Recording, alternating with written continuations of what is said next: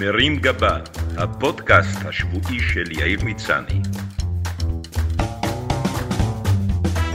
והשבוע, עוד רגע של עברית.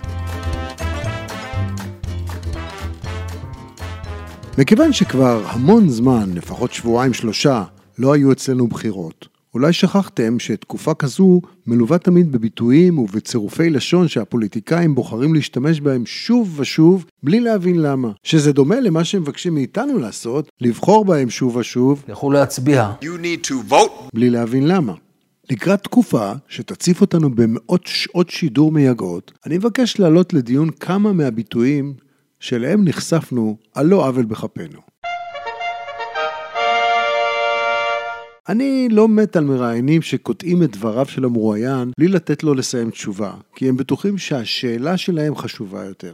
מצד שני, פוליטיקאים לא יודעים לסיים משפט, לכן אני מחבב את השים נקודה של רזי ברקאי.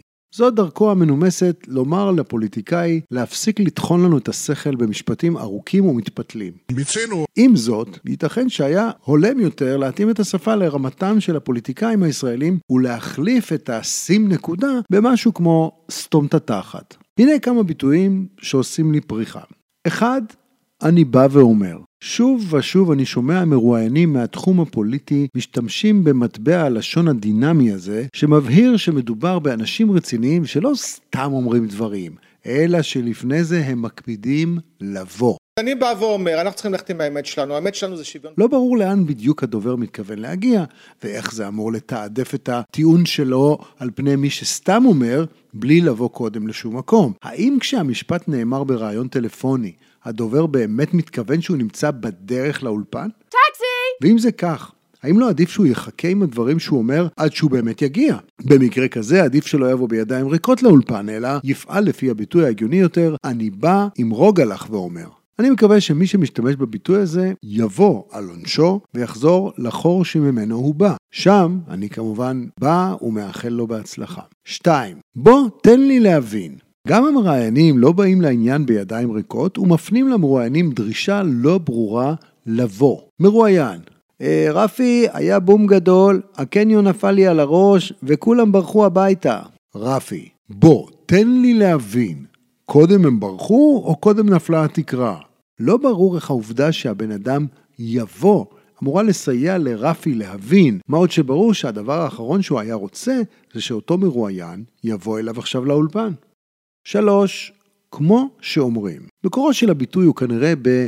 כמו שאומרים אצלנו בשכונה, יחידה, משפחה וכולי.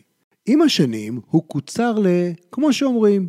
כשהציפייה היא לשמוע בסוף המשפט איזשהו חידוד מהמקורות או פתגם מוכר. למשל, מה שקורה עכשיו בליכוד זה, כמו שאומרים, מהומה על לא מאומה. הגיוני, ומתאים. אלא שבזמן האחרון כמה שדרנים סיגלו לעצמם את השימוש ב"כמו שאומרים" בלי לחבר אליו ביטוי שבאמת אומרים. נגיד, פייגלין הודיע שהוא לא יתמודד בבחירות. כמו שאומרים, פייגלין יפרוש. אבל כדי להצדיק את ה"כמו שאומרים" צריך לחבר אליו משהו. נגיד, פייגלין הודיע שהוא לא מתמודד. כמו שאומרים, החיפזון מהסטלן. אחרת אתה סתם יוצא דביל, או כמו שאומרים, לא העיפרון הכי מחודד בקלמר. 4. תודה על השיחה הזו. בשנים האחרונות עשו להם מראיינים מנהג לסיים את הרעיון במשפט אני רוצה להודות לך על השיחה הזו. אני מסכים שהעיסוק באמירה הקטנה הזו אינו הדבר החשוב והדחוף בעולם, אבל כזה אני, נודניק של פרטים קטנים. למה בעצם המראיין מודה למרואיין על השיחה הזו? ממתי נהיינו פרטניים כל כך בתודות שלנו? מה רע בתודה רבה הישנה והטובה? למה לא לסיים את הרעיון ב... תודה רבה לך, שר השיכון, כפי שאנחנו עושים בסיום הקנייה בסופר. אני משוכנע שגם אותו מרואיין מנומס לא מסיים את הביקור שלו בסופר במילים שושנה, אני רוצה להודות לך על הקנייה הזאת. נפרד מהאינסטלטור שביקר אצלו במילים איציק, אני רוצה להודות לך על שאיבת החרא מהניאגרה הסתומה שלי. או מסיים את המפגש עם המוסכניק שלו בשאול, אני רוצה להודות לך על העקיצה הזו. 5. תראה אותי. לצד הבוא תן לי להבין, שדרני רדיו וטלוויזיה אוהבים להשתמש גם בתראה, או בגרסתו הפופולרית והתקנית פחות, תראה. שדרן א', אז מה חשבת על מה שאמר ליברמן? שדרן ב', תראה יורם, ליברמן הוא אדם מאוד מורכב. אני מבין שהתראה חוסך לדובר את המעבר המורכב בין החיריק, השבב והסגול שדורש התראה. בנוסף, מהתראה נודף ניחוח צרפתי מתפנק על משקל תראה בון. אבל תראה, אחי, עברית זה לא. אה, תראה הדברים שאמר היום אה, שבתאי שביט, שאני... שש, ליצן קטן נחמד.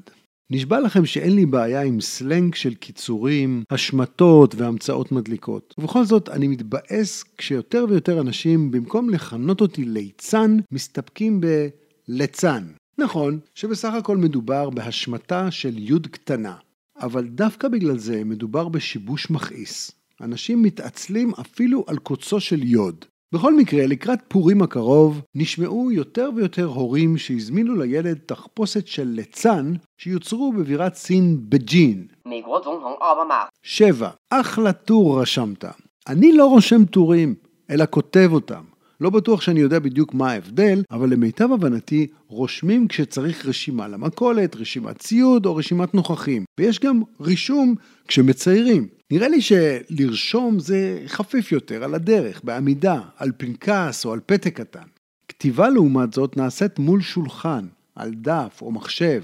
לא סתם המכונה שעליה נוצרו מיטב יצירות הספרות נקראה מכונת כתיבה ולא מכונת רשימה, וגם לא שמעתי על אנשים שסובלים ממחסום רשימה. ואל תתבלבלו, מה שעשתה הישראלית ההיא, שהשאירה את שמה על קירות הקולוסיאום ברומא, לא היה כתיבה ולא רשימה, אלא חריטה. Ciao. שמונה, יש פקק בכביש 6. העברית היא שפה מתחדשת ודינמית, ולאחרונה אני שומע לא מעט אנשים שממשיכים את מורשתו של אליעזר בן יהודה ומכניסים משלהם ללשון המקומית. למשל, אלה שמחליפים כ' וק' באות ג' ויוצרים משפטים כמו נסעתי בכביש החוף, או מכבי אחלה קבוצה.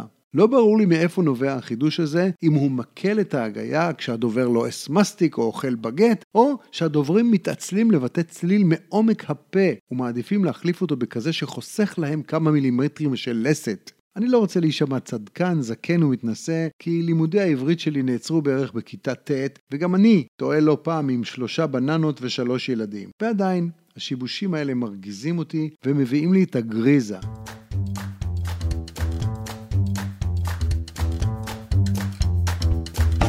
מרים גבה, הפודקאסט השבועי של יאיר מצני.